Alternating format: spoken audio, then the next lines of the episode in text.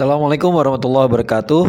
Sahabat-sahabat malnutrisi Kembali bersama saya Akmal Syafril. Setelah setelah sekian lama saya tahu Mohon maaf sekali. Uh, Terima kasih atas kesabaran menantinya. Dan seperti biasa insya Allah pada kesempatan ini kita ngobrolin hal-hal kecil yang uh, Walaupun kecil tapi mudah-mudahan bisa menambah gizi dari uh, akal pikiran dan hati kita sama-sama ya. Uh, jadi teman-teman saya punya cerita nih. Saya punya cerita waktu itu saya pernah uh, apa uh, beli mie ayam yang sangat viral sekali, yang sangat heboh sekali. Sebenarnya saya tahunya dari istri saya, istri saya yang tahu soal soal mie ayam yang viral kayak begini gitu ya. Kalau saya sih nggak nggak begitu ngikutin lah, nggak begitu update soal makanan-makanan kayak begini. Ya kalau buat saya mie ayam itu kalau nggak enak ya enak banget lah. Jadi nggak terlalu nggak terlalu apa ya, saya nggak terlalu uh, update soal masalah-masalah uh, kulineran kayak begini gitu ya. Nah tapi ada kisah ada sebuah uh, ada ada pedagang mie ayam yang mie ayamnya tuh uh, konon enaknya luar biasa dahsyat gitu ya, sangat enak sekali ya dan tentunya kalau enak banget udah viral pastinya pastinya rame dong ya. Uh, jadi uh, singkat cerita kita sampai ke sana pukul setengah dua, setengah dua siang ya. Uh, terus kita masukin uh, pesanan, kita dapat nomor sekian ya. Ya saya bisa mengerti lah bahwa apa uh, kalau makanan viral, makanan enak banget itu ya pasti peminatnya banyak dan memang waktu itu uh, yang antri banyak juga ya, yang banyak antri banyak dan hampir semuanya makan nggak uh, ada yang makan di tempat ya uh, hampir semuanya uh, take away gitu ya jadi mau dibawa pulang. Dan yang mesen itu uh, pesanannya tuh tiga empat gitu ya. Jadi memang kelihatannya uh, buat dibawa pulang dimakan bareng keluarga dan ini emang enak banget gitu berarti ya. Uh, tandanya uh, apa tandanya enak banget ya. Kenapa? Karena mereka uh, rela ngantri lama gitu ya untuk uh, mendapatkan uh, mie ayam kesayangan mereka gitu Nah, ya uh, melihat panjangnya antrian, melihat melihat viralnya itu, terus kemudian saya dapat nomor ya nomor antrian seperti kita ke kita ke dokter atau ke bank aja gitu ya. Nah kalau kalau udah kayak begitu saya bisa bisa mengerti lah gitu ya. Saya saya sudah uh, siap lah untuk uh, ngantri barang setengah jam gitu ya atau bahkan ekstrim-ekstrimnya saya pikir kalau harus satu jam ya harus harus siap-siap nih ya. Kayaknya karena uh, yang mesen kayaknya banyak banget gitu ya.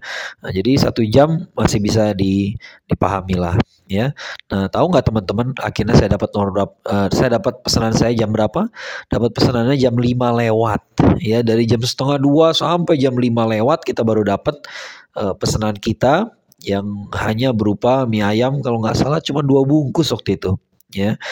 Uh, ya bisa dibayangkan lah gitu ya uh, capeknya kayak gimana capeknya capek nunggu gitu ya kalau dibilang capek jalan-jalan uh, atau ngapain nggak capek nggak gitu juga tapi memang nunggu itu capek juga gitu ya menunggu itu membosankan juga luar biasa gitu sampai jam 5 gitu ya uh, dan kita baru dapat sampai rumah baru kita nikmati malamnya ya.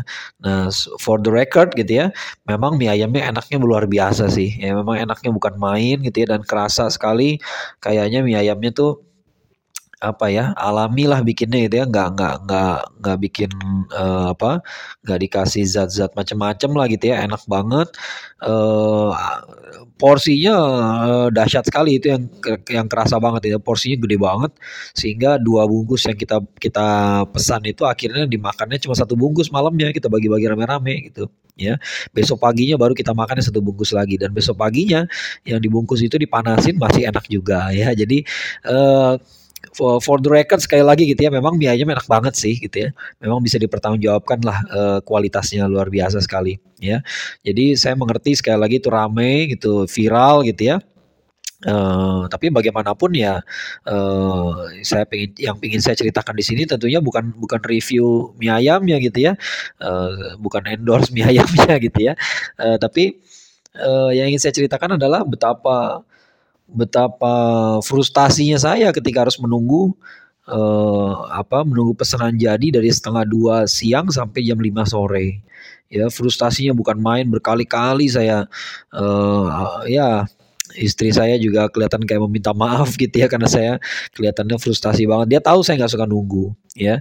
Ya, ya. So that's the thing gitu ya. Itu itu satu satu hal gitu ya. Saya tuh nggak suka nggak suka nunggu. Saya rasa sih nggak ada orang suka nunggu ya. Saya rasa pada dasarnya sih semua orang nggak suka nunggu, ya. Tapi uh, dalam kasus saya gitu, saya memang nggak begitu suka nunggu ya. Uh, apalagi nunggunya setengah dua sampai jam lima gitu ya. Seperti saya bilang, saya ngelihat ngelihat mie ayam antrian, ngelihat mie ayam yang begitu viral kayak begitu, antriannya panjang, saya sih prepare ya kalau untuk kalau harus nunggu setengah jam gitu ya, bahkan ekstrim ekstrim satu jam mungkin agak-agak kesel tapi dapat lah nggak apa-apa lah ya satu jam. Tapi kalau sampai tiga jam setengah kayak begitu ya terus terang saya ngerasanya nggak lucu sih gitu ya walaupun sekali lagi udah saya katakan tadi ya mie ayamnya enak banget ya kualitas emang uh, luar biasa sih menurut saya gitu ya. Uh, dari skala 10 saya bisa berani saya kasih kasih nilai sembilan setengah. Ya emang enak banget gitu. Tapi uh, nunggunya tuh mendongkol gitu ya bikin dongkol sekali gitu. Sampai sampai malam juga apa saya masih agak kesel gitu karena banyak waktu sekali terbuang. Tiga setengah jam kita harus menunggu cuman uh, untuk mie ayam saja gitu ya. Uh, uh, saya jadi teringat uh, apa ya pengalaman waktu kecil dulu. Waktu kecil dulu waktu kita waktu saya sekolah ya uh, saya naik angkot setiap harinya ya dari rumah sampai ke sekolah gitu ya. Kadang-kadang nih kalau lagi nggak beruntung nih terutama kalau uh, pulang sekolah sih ya kalau pulang sekolah nih ya. Kalau pulang sekolah tuh eh, angkot itu melewati beberapa titik di mana mereka tuh akan ngetem ya kalau saya berangkat sekolah kebetulan nggak ada titik ngetemnya gitu. Jadi eh, biasanya sih kalau udah jalan ya jalan aja terus sampai ke ke tempat tujuan saya gitu. Tapi begitu jalur pulangnya ya ternyata dia melewati beberapa titik tempat ngetem ya, apa kalau mau yang eh, mau kalau mau pada tahu nih kalau yang di Bogor nih ya, kalau yang di Bogor zaman dulu nih zaman kita masih apa eh, kebun raya Bogor masih bisa dilewati jalur dua arah tuh ya. Kalau sekarang satu satu arah tuh ya. Uh, dulu tuh di pasar Bogor pasti ngetem. Ya lama tuh lumayan dia. Uh, kemudian uh, di apa? di uh, Mac yang sekarang jadi jadi apa Mac di dekat Bogor Baru nah itu tuh tempat ngetem juga tuh dulu ya. Kalau sekarang kayaknya nggak juga nggak lagi tuh ya. Nah, uh, di satu di salah satu tempat ngetem itu ya uh, ya kita sebagai anak sekolah bisa apa sih gitu ya? Kalau udah naik angkot ya pasrah aja gitu ya. Pasrah aja lah mau ngapain kita mau ngomong juga nggak berani sama sopir gitu kan. Sopirnya udah udah udah gede gitu kan. Kita hanya masih anak sekolah gitu ya.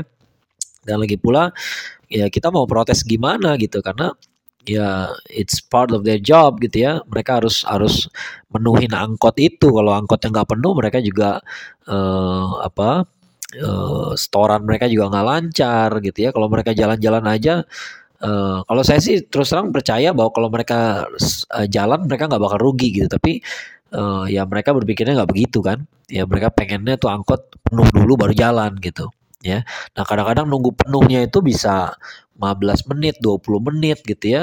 Uh, lama juga gitu, capek gitu. Zaman ini zaman dulu loh ya, zaman-zamannya uh, anak sekolah bukan anak sekolah aja. Ya semua orang juga nggak ada yang punya HP dulu waktu itu ya. Nah, jadi uh, kita ngabisin waktu gimana gitu kalau diangkut harus nunggu apa uh, ngetem kayak begitu gitu ya. Nah tiba-tiba suatu kali ada penumpang ya uh, kalau nggak salah ibu-ibu ya yang yang akhirnya kesel juga gitu ya.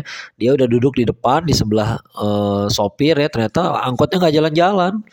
Ya udah udah 20 menitan nggak jalan-jalan akhirnya dia keluar ya dia keluar lagi jadi ya. Dia keluar lagi dari angkot dia pergi. Ya nggak ngomong apa-apa sih banting pintu sedikit lah gitu. Uh, terus sopirnya ngomel-ngomel sendiri gitu ya. Eh nggak sabar amat jadi penumpang kalau nggak salah ngomongnya gitu tuh ya. Eh nggak sabar banget jadi penumpang. Ya kan ngetem sebentar doang nggak bakal lama paling setengah jam dia bilang gitu. Ya paling setengah jam. Itu nyelek nyelekit banget di di hati hati saya gitu. Saya pikir setengah jam kok dibilang paling ya paling setengah jam gitu. Setengah jam itu dikira sebentar ya. Setengah jam itu kalau kita nyetel lagu gitu ya lagu-lagu zaman dulu kan panjang-panjang ya e, bisa 6 7 lagu lah itu. Ya ya bisa bisa 6 7 lagu bisa hampir satu side kaset habis itu. E, nungguin dia ngetem gitu ya. Kalau kalau bener dia niatnya ngetem setengah jam gitu ya. Jadi uh, ya saya nggak tahu persis waktu itu akhirnya berapa lama tapi seingat saya sih oh, lama juga lewat dari 20 menit gitu ya. Uh, yang yang yang saya sadari di situ adalah bahwa kita ya kita semua manusia menghabiskan waktu yang sama di dunia ini gitu ya se, uh, dalam sehari maksudnya gitu ya. Sehari itu 24 jam gitu ya 24 jam tuh uh, sekian menit sekian detik ya sama aja sebenarnya gitu. Tapi persepsi kita terhadap waktu tuh beda banget gitu ya. Ada orang yang beranggapan setengah jam tuh sebentar gitu. Dan ada orang yang beranggapan setengah jam itu gue bisa ngerjain banyak hal ya. Nah, jadi memang uh, orang tuh uh, punya persepsi yang berbeda-beda tergantung dari uh, kemampuan dia memanfaatkan waktu tersebut ya. Makanya kalau bagi orang-orang yang santai hidupnya gitu ya yang yang apa ya yang yang nggak punya target macam-macam dalam hidupnya setengah jam tuh kayak ya apa sih masalahnya gitu loh. Ya apa sih masalahnya gue uh, lu nunggu setengah jam? Apa sih kenapa sih lu marah banget? Gue telat setengah jam. Kenapa sih uh, telat setengah jam aja ditinggalin sama pesawat? Gitu barangkali orang-orang ini mikirnya kayak gitu gitu ya. Tapi bagi orang-orang lain ya uh, terlambat uh, apa terlambat uh, lima menit gitu misalnya gitu ya udah udah kurang ajar gitu. Misalnya kita janjian sama dosen gitu ya uh, terlambat lima menit itu udah udah kurang kurang bagus itu adabnya gitu ya. Uh, atau kita harus membuat dosen kita menunggu itu nggak nggak nggak baik gitu ya. Kita janjian sama teman kita yang sangat sibuk atau memang kita janjian untuk suatu urusan yang penting sekali gitu ya. Misalnya kayak ngejar pesawat tadi kan ngejar pesawat kan nggak nggak lucu gitu kalau uh, menit sebelum uh, apa sebelum boarding kita baru datang gitu ya. Uh, masalahnya untuk untuk ngantri uh, check innya pun butuh waktu lama gitu ya. Uh, kemudian lari dari dari apa dari dari uh, dari tempat uh, check in sampai ke uh, ke pesawatnya juga nggak sebentar gitu ya. Jadi lima menit itu fatal gitu ya. Lima menit lima menit telat terlambat terlambat lima menit dari dari jadwal yang dipinta itu fatal sekali ya uh, kalau kalau kalau angkot sih kita bisa selalu bisa naik angkot yang sesudahnya ya. Ada angkot berikutnya kok, ada angkot berikutnya lagi gitu ya. Tapi kalau pesawat gitu ya, jam berapa ada pesawat berikutnya dan apakah uh, tiket yang sudah dibeli akan dikembalikan kan enggak gitu ya. Jadi lima menit uh, ketinggalan pesawat itu fatal. Kalau lima, menit ketinggalan angkot ya whatever lah gitu ya. Jadi memang waktu itu waktu itu punya punya apa dipersepsikan dengan cara yang berbeda oleh orang-orang tergantung uh, kehidupannya tergantung keperluannya ya dan sebagainya gitu ya. Itu yang saya sadari waktu saya sekolah dulu ya. Ternyata uh, ya, setengah jam yang saya anggap lama gitu ya setengah jam itu kita udah bisa ngerjain banyak hal gitu ya. Bagi uh, orang yang kebetulan waktu itu supir angkot ya saya nggak tahu supir angkot apakah semua supir angkot berpikir begitu? Uh, mudah-mudahan enggak gitu ya tapi menurut menurut supir angkot yang waktu itu ya dia bilang setengah jam tuh nggak ada artinya gitu ya nggak apa-apa lah nunggu setengah jam masalahnya apa sih gitu ya? Terlambat sampai rumah setengah jam apa artinya sih gitu ya? Apa sih yang lu kejar gitu ya? Nah, dia nggak tahu bahwa orang-orang tuh uh, bisa jadi banyak yang dikejar gitu ya uh, ya kayak misalnya orang harus pulang cepat supaya bisa ngejemput anaknya misalnya gitu ya. Uh, atau pulang harus pulang cepat uh, sebelum anaknya pulang gitu ya. Uh, karena kalau anaknya pulang dia belum sampai rumah nggak ada nggak ada orang di rumah nggak ada yang bukain pintu rumah misalnya gitu ya. Kan banyak ya kebutuhan orang ya. Saya rasa kita bisa uh, menulis seribu satu skenario lah kenapa orang butuh pulang cepat gitu ya dan lagi pula di angkot-angkot juga saya lihat kok dulu ah, banyak stikernya tuh ya. Uh, Anda butuh waktu kami butuh uang. Ingat banget tuh saya tuh ya Anda butuh waktu kami butuh uang. Tuh cakep banget tuh tapi kenyataannya nggak begitu juga ya. Karena uh, waktu itu ya nilainya berbeda-beda tergantung uh, tergantung kita ngomong sama siapa gitu ya. Dan dari situlah saya berpikir uh, ya apa dari situlah saya bisa memahami gitu ya kenapa saya nunggu tiga jam setengah untuk mie ayam gitu ya. Buat saya itu uh, betul-betul apa ya walaupun tadi saya bilang mie ayam itu enak banget nilainya sembilan setengah dari 10 loh. Ya sembilan setengah dari 10 tapi saya terus terang nggak punya minat lagi untuk untuk beli ke situ gitu ya nggak nggak nggak ada minat saya untuk kembali ke situ sama sekali enggak gitu. Kalau ada yang mau beli di sana lalu saya disuruh nitip gitu ya mau nitip apa enggak mau saya ya. Jadi kalau ditanya mau nitip apa enggak mau siap insya Allah gitu ya. Uh, tapi kalau kalau disuruh beli sendiri nggak nggak sedikit pun saya kepikiran untuk balik ke sana lagi ya. Uh, kenapa? Ya karena menurut saya waktu saya tiga setengah jam tuh mahal gitu ya. Uh, ya mahal tuh bukan berarti uang kan, mahal tuh value gitu, bukan price gitu ya. Tiga setengah jam tuh saya bisa macam-macam ya tiga setengah jam itu berapa bab buku yang bisa kita baca tiga setengah jam itu berapa berapa halaman tulisan yang bisa kita bikin tiga setengah jam itu barangkali saya bisa bikin dua per, uh, file PowerPoint untuk dua kali presentasi ya tiga setengah jam itu uh, apa saya bisa tiga setengah jam. Lari lari satu jam aja udah udah kebakar sekian kalori itu. Udah udah udah banyak sekali lah hal yang bisa kerjaan dalam tiga setengah jam. Tiga setengah jam itu udah bisa lari udah bisa pulang udah bisa belanja udah bisa aduh macam-macam lah. Ya banyak sekali gitu. Ya ketimbang tiga setengah jam harus nungguin uh, mie ayam. Kalau ditinggalin kan bahaya juga. Kalau ditinggalin nanti uh, bisa-bisa jatah kita diambil orang. Nggak mungkin kan jadi mau nggak mau ya kita nunggu aja di situ terus gitu ya. Kita bertanya-tanya giliran saya berapa lama lagi ya, giliran saya berapa lama lagi. Ditinggal takutnya tiba-tiba selesai. Kalau ditungguin nggak kelar-kelar ya. Nah, jadi ya kita cuma bisa nunggu diem ya gitu ya. Kalau ada teman ngobrol ya ngobrol. Kalau kalau ada HP buat lihat-lihat ya alhamdulillah gitu ya. Uh, cuman ya lama-lama bosan juga bos gitu ya lama-lama bosan juga lama-lama merasa sia-sia juga gitu waktu kita tiga setengah jam ya. Nah, tapi walaupun saya saya berpikiran seperti itu, banyak juga yang tidak berpikiran begitu. Banyak juga yang happy-happy aja gitu. Sama aja kan yang lain nasibnya sama sama juga kayak saya gitu. Tiga setengah jam juga nunggu kira-kira. Ya jadi uh, banyak juga yang nggak nggak merasa uh, kehilangan apa-apa dengan menunggu seperti itu gitu.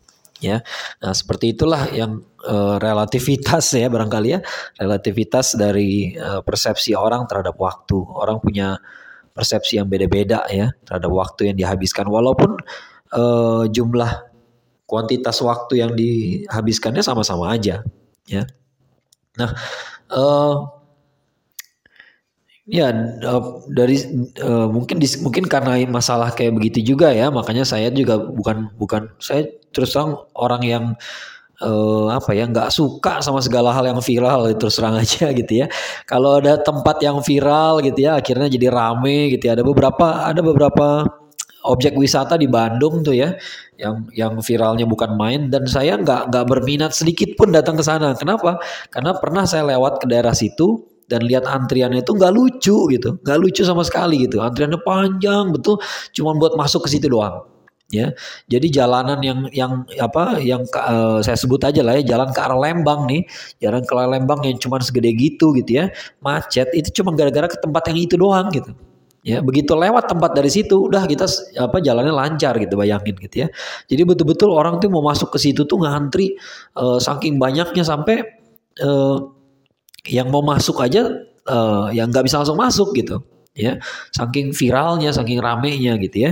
Uh, ya saya tahu itu viral saya yakin dia pasti bagus gitu ya. Ya viral kan karena bagus gitu ya. Uh, banyak yang berminat ya karena bagus gitu kan. Tapi kalau udah seramai kayak begitu saya kok saya kok merasa waktu saya uh, terbuang percuma sekali gitu ya. Sayang sekali kalau kita harus uh, apa bermacet-macet berjam-jam lalu menikmati wahana yang barangkali cuma satu jam dua jam gitu ya. Uh, buat apa gitu ya. Uh, buat apa nggak nggak nggak ada perlu-perlunya gitu ya. Nah tapi uh, sahabat-sahabat sekalian gitu ya bukankah itu memang uh, apa fenomena yang kita jumpai sekarang gitu. Sekarang tuh segalanya kalau udah viral gitu ya, rame sekali. Kalau udah viral rame orang ke sana. Pokoknya semua orang harus mencicipinya gitu ya. Ada bakso yang enak di sini rame, ada franchise yang beken di sini rame, ada wahana begini begitu, ada tempat wisata selfie begini begitu, rame orang datang ke sana ya. Yang dari yang punya duit sampai yang nggak punya duit ya datang semua gitu ya. Uh, ada yang datang sampai sana tahu-tahu ternyata nggak bisa beli karcisnya. Bodoh amat pokoknya datang ya sampai ramainya gitu ya. Uh, alhasil macetnya tuh jadi luar biasa gitu. Ya akhirnya datang ke sana tuh waktu yang dihabiskan di jalan tuh lebih lama daripada uh, menikmati uh, wisatanya gitu ya. That's ridiculous menurut saya gitu ya konyol sekali kalau menurut saya gitu. Kita kan pengen pengen uh, wisata tuh pengen relax ya, pengen santai gitu ya. Kalau akhirnya kena kena macet uh, berjam-jam ya itu nggak ada santainya namanya. ya mendingan kita cari tempat lain aja yang yang biasa-biasa aja tapi uh, kita bisa nikmati gitu ya perjalanannya nggak terlalu men, uh, membuat derita gitu ya tapi dan kita bisa nikmati gitu ya ya saya tahu ada pantai yang bagus ada ada danau yang bagus misalnya gitu ya tapi kalau memang ke sana tuh macetnya harus lima kali lipat daripada waktu kita di situ ya mendingan kita ke kolam renang biasa aja lah gitu ya what's the point sih gitu loh ya uh, kemarin juga kita ngelihat Citayam Fashion Week ya, orang berbondong-bondong rame-rame ke sana gitu ya. Kalau menurut saya sih terus terang ini masalah waktu ya. Ya karena begitu diwawancara ternyata mereka memang nggak punya uh, apa banyak yang hadir ke sana itu betul-betul menghabiskan waktu seharian gitu ya. Ada yang sampai nginep-nginep ada yang pergi ke sana lalu nggak punya uang pulang gitu ya. Uh, betul-betul mereka ya gambling aja gitu sampai sana uh, tidur di mana aja boleh gitu ya. Yang penting sempat me menghadiri eh, sempat merasakan sensasinya Citayam Fashion Week ya. Kalau menurut saya ini masalahnya ujung-ujungnya masalah waktu ya. Uh, ada yang bertanya ke saya uh, apa udah pernah belum mal ke lihat Citayam Fashion Week gitu ya. Uh, lu nggak penasaran pengen lihat kayak begitu gitu ya. Uh, saya bilang kalau rasa penasaran ingin tahu saja sekedar ingin tahu saja gitu ya. Saya rasa dengan foto-foto yang ada, video-video yang ada udah terpuaskan deh. Kita udah tahu di apa yang terjadi gitu ya. Cuma masalahnya adalah ya banyak orang punya waktu gitu. Banyak orang punya waktu yang begitu lapang sekali, begitu lowong sekali gitu ya. Sampai-sampai mereka menghabiskan waktu di situ. Ya, dan ini ironi gak sih? kalau kita lihat banyak yang ikut di Citayam Fashion Week itu justru dari teman-teman kita golongan ekonomi menengah ke bawah ya ekonomi menengah ke bawah tapi bisa beli kostum yang canggih-canggih ya. Mereka punya HP punya gadget untuk merekam uh, tindak tanduk mereka di sana lenggak-lenggok mereka di sana gitu ya. Uh, apa dan mereka bermimpi mereka menyebut dirinya fashion week gitu bayangin gitu ya. Uh, saya ngebayangin mereka apa ya ngasih judul kayak begitu aja kan menunjukkan uh, imajinasi mereka gitu ya. Uh, kok ekonomi menengah ke bawah imajinasinya fashion week ya? Ya, uh, sa apa saya saya dan beberapa teman saya yang alhamdulillah ekonomi menengah ke atas gitu rasanya gitu ya. Kita nggak nggak nggak bisa nggak bisa menyebut diri kita miskin gitu ya, tapi walaupun kaya juga enggak sih ya. Tapi ekonomi menengah ke atas lah gitu ya. Uh, saya rasa kami nggak pernah berfantasi untuk bikin fashion week gitu ya. Nah di sini saya lihat kasihan sekali gitu. Justru segmen uh, saudara-saudara kita yang ekonomi menengah ke bawah gitu ya itu di di apa begitu dimabukkan dengan dengan imajinasinya orang-orang kaya gitu ya. Atau imajinasi mereka tentang orang kaya lebih tepatnya gitu ya. Mungkin mungkin dalam pikiran mereka orang kaya tuh pakaiannya kayak begitu gitu. Pakaiannya kayak begitu lalu mereka sering ikut acara fashion week dan sebagainya gitu ya. Jadi mereka juga pengen kayak begitu ya pengen merasakan sensasi jadi orang kaya gitu. Lalu mereka habiskan waktunya di situ. Padahal orang kaya nggak habis waktu untuk kayak begitu begitu ya orang kaya nggak habis waktu nongkrong. Kalau nongkrong ya nggak kaya lah ya.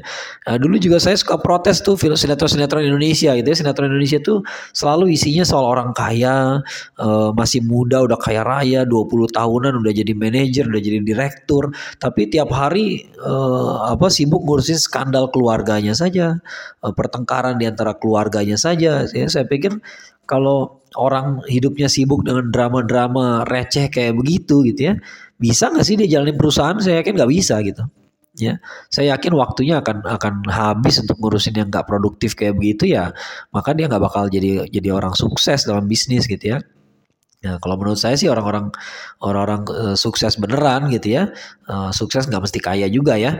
Uh, orang yang sukses itu produktif dengan waktunya, ya, produktif dengan waktunya. Dan saya melihat uh, ya saya follow beberapa apa akun-akun motivasi kalau di Instagram gitu ya. Dan saya juga suka mendengarkan wawancara dengan orang-orang sukses. Ya sekali lagi sukses nggak mesti kaya ya. Itu dua hal yang berbeda ya.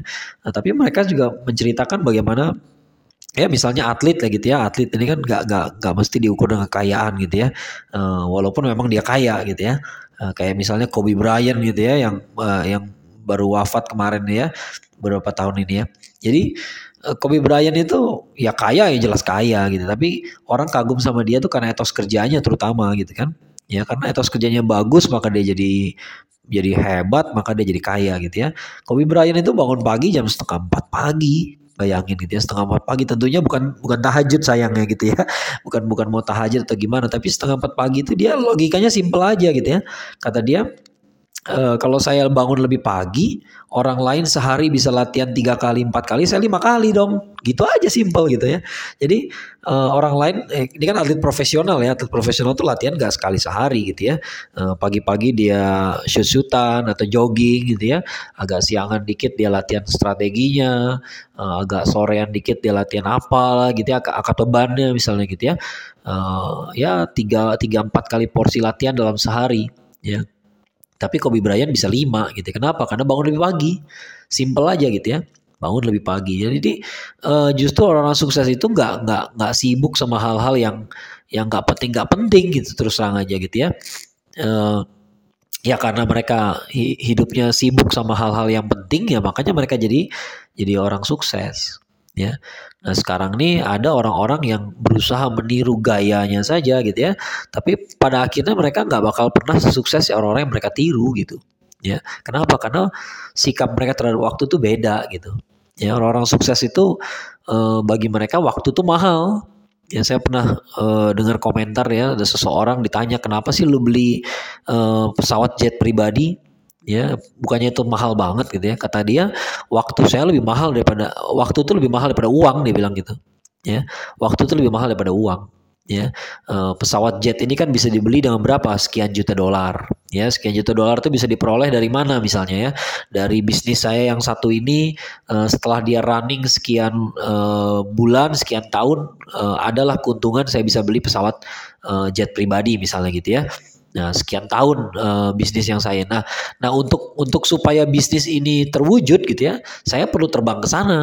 Ya, gitu ya. Jadi logikanya begitu gitu ya. Jadi kenapa saya beli private jet gitu ya? Karena uh, saya saya perlu pergi meeting ke daerah sana gitu ya dengan cepat gitu ya. Dan nanti pulang dari meeting situ ya walaupun meetingnya cuma tiga jam dua jam gitu ya uh, ya tambah nginep-nginep semalam lah gitu ya uh, katakanlah dia perginya cuma sehari gitu ya tapi uh, apa kesepakatan yang dibuat, deal yang dibuat dari dari dari obrolan selama sehari itu ya uh, bisa bisa apa ber, berpengaruh sampai berapa tahun ke depan ya. Nah, itulah makanya kata dia waktu itu lebih mahal daripada uang ya karena waktu itu menghasilkan uang, uang nggak menghasilkan waktu ya. ya jangan salah gitu ya Anda nggak bisa beli uang saya nggak bisa beli uang, nggak bisa beli waktu gitu ya, sorry ya. Anda nggak bisa beli waktu, Anda punya uang banyak gitu ya. Tapi kalau ada waktunya mati ya mati aja gitu ya. Nggak bisa nggak bisa di nggak bisa dibeli waktunya, ya. Nah, tapi waktu itu bisa menghasilkan uang, ya. Waktu bisa menghasilkan uang. Kita kita uh, apa spend time uh, beberapa saat dengan dengan sesama pengusaha bisa jadi deal, ya bisa jadi sebuah kerjasama Ya, nah kerjasama itu bisa bertahun-tahun, bisa jadi hubungan yang baik sekali uh, kalau kita bisa merawatnya dengan baik. Ya, kita menghabiskan waktu beberapa saat sehari dengan anak-anak kita uh, bisa bisa berakibat hubungan baik yang permanen di antara kita dan anak-anak kita. Ya, jadi ya itulah gitu ya, waktu itu mahal sekali. Ya, waktu itu mahal sekali. Nah, oleh karena itu. Uh, ya saya prihatin gitu terus terang melihat melihat orang yang begitu begitu apa begitu keke begitu getol ya mengejar segala hal yang viral ya. Demi sesuatu yang viral misalnya ada barang yang viral dia mau ngantri lama sekali untuk beli gitu ya. Demi uh, konser band yang viral maka dia mau uh, apa sebuah band yang sangat terkenal gitu ya dia mau gitu ngantri dari malam sampai pagi sholat enggak gitu ya apalagi kalau kayak gitu ya. Uh, mau dia untuk dapetin tiket ya demi HP yang baru muncul ya dia mau ngantri dari malam sampai pagi gitu ya demi sebuah wahana yang wahana di dalamnya akhirnya kita cuma selfie selfie doang gitu ya. Orang mau bermacet-macet sampai berjam-jam gitu ya. Saya prihatin banget ya kayak begitu. Kenapa? Karena itu artinya dia tidak menghargai waktunya dengan uh, dengan nilai yang pantas gitu ya. atau memang uh, waktu dia memang tidak berharga barangkali ya. Sehingga dia mau menghabiskannya untuk hal-hal kayak begitu ya. Nah, jadi sahabat-sahabat malnutrisi semua, saya sih berharap teman-teman semua ya apa ya saya nggak bisa maksa gitu ya, tapi saya berharap teman-teman semua eh, apa ya mau eh, menerima pandangan saya mudah-mudahan. Syukur-syukur kalau semua pada ikutan gitu ya. Ya jadi uh, kalau kalau ada sesuatu yang viral walaupun yang viral tuh oke okay lah kita husnuzon ya. Sesuatu tuh viral tuh karena dia bagus gitu ya. Karena dia kualitasnya bagus gitu. Tapi kalau dia harus mengorbankan waktu kita uh, begitu banyak kayaknya nggak worth it deh. Ya coba kita timbang-timbang baik-baik lah. Kita pengen liburan tapi liburan itu tercemari ya karena kita punya waktu liburan berapa lama? Dua hari misalnya weekend ya. 48 jam. Anggaplah 48 jam bersih. Padahal saya yakin nggak 48 jam bersih kan? 48 jam tapi 10 jamnya habis buat macet. Ya uh, what's the point gitu kan? 10 jam habis buat macet. Itu udah seperempat waktunya. Seperempat itu seperempat dari waktu kotornya ya. Kalau waktu bersihnya nggak nggak 48 jam kan kan ada waktu harus tidurnya harus uh, istirahatnya gitu ya harus harus makannya gitu ya. Uh, itu nggak dihitung lah gitu ya.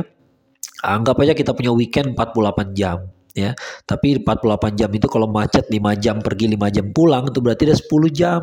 Itu udah seperempatnya. Nggak worth it kalau menurut saya. Ya kalau cuma untuk satu keperluan doang gitu ya. Nggak worth it sama sekali ya. Uh, kita harus menunggu uh, sekian jam untuk mendapatkan bakso kesukaan kita gitu ya. Uh, walaupun emang kualitasnya luar biasa enak gitu ya tapi nggak worth it gitu ya Ya, sebenarnya tergantung barangnya juga sih. Karena kalau kalau kalau mie ayam gitu ya, kalau mie ayam tuh dibilang enak banget ya, bakso enak banget gitu ya. E, nilainya sembilan setengah dari 10, tapi itu bakso dan mie ayam gitu ya, anyway gitu ya. E, sekenyang-kenyangnya ente, senikmat-nikmatnya kita makan bakso, mie ayam, somai, e, bubur ayam, e, sotomi, whatever gitu ya, seenak-enaknya dia gitu ya. Berapa lama sih enaknya itu akan berpengaruh sama kita? Ya. Gak lama-lama amat gitu. Ya, jadi kalau menurut saya kalau kalau uh, mendapatkan uh, makanan cemilan dengan kualitas yang nyaris sempurna sekalipun gitu ya, nggak worth it sih kayaknya ngantri 3 jam, 4 jam, ya sama sekali nggak worth it, ya sama sekali nggak sesepadan dengan pengorbanannya ya. Ya lain halnya kalau kita bicara misalnya kualitas apa ya, kualitas uh, rumah gitu ya rumah nih rumah nih rumah mau dibangun cepet apa enggak? Kalau mau bangun cepet uh, bisa uh, dua bulan kelar tapi kualitas nggak bagus gitu ya. Uh, mau nggak dibikin jadi tiga setengah bulan tapi kualitas saya jamin bagus gitu ya. Nah saya rasa itu lumayan worth it tuh ya. Karena harganya juga apa rumah tuh kan nggak murah ya. Rumah tuh nggak murah. Jadi kalau kita rumah tuh rusak kita rugi besar ya. Jadi kalau kita dijanjikan bisa dapat rumah kualitas bagus, dijamin gak bocor segala macam bla bla bla gitu ya, uh, lumayan worth it tuh. Ya, tapi kalau bakso mah enggak, saudara-saudara sekalian gitu ya. Bakso mie ayam mah enggak gitu ya. Enak sih enak, tapi ya berapa lama sih dia akan berpengaruh? Ya, kita bawa tidur bangun paginya juga kita nggak nggak nggak bahagia karena itu lagi kan ya demikian juga wisata selfie gitu ya. Uh, wisata santai jelas-jelas kita tuh berwisata karena kita butuh rekreasi. Ya tapi ternyata rekreasinya tuh lebih uh, bikin frustasi ketimbang uh, bikin bahagia saya rasa nggak worth it. Ya uh, sahabat-sahabat maltisi semua mudah-mudahan kita semua bisa manfaatin waktu kita dengan lebih baik ya. Dan uh, memanfaatkan waktu lebih baik itu dimulai dari menghargai dulu ya karena kalau kita nggak menghargai kita merasa ini nggak ada harganya nggak ada pentingnya gitu ya ya maka kita akan uh, menghabiskannya dengan eh, cara-cara yang tidak bijaksana. Ya mudah-mudahan sahabat-sahabat nutrisi semua mendapatkan manfaat dari obrolan kita uh, kali ini. Sampai jumpa pada episode berikutnya. Assalamualaikum warahmatullahi wabarakatuh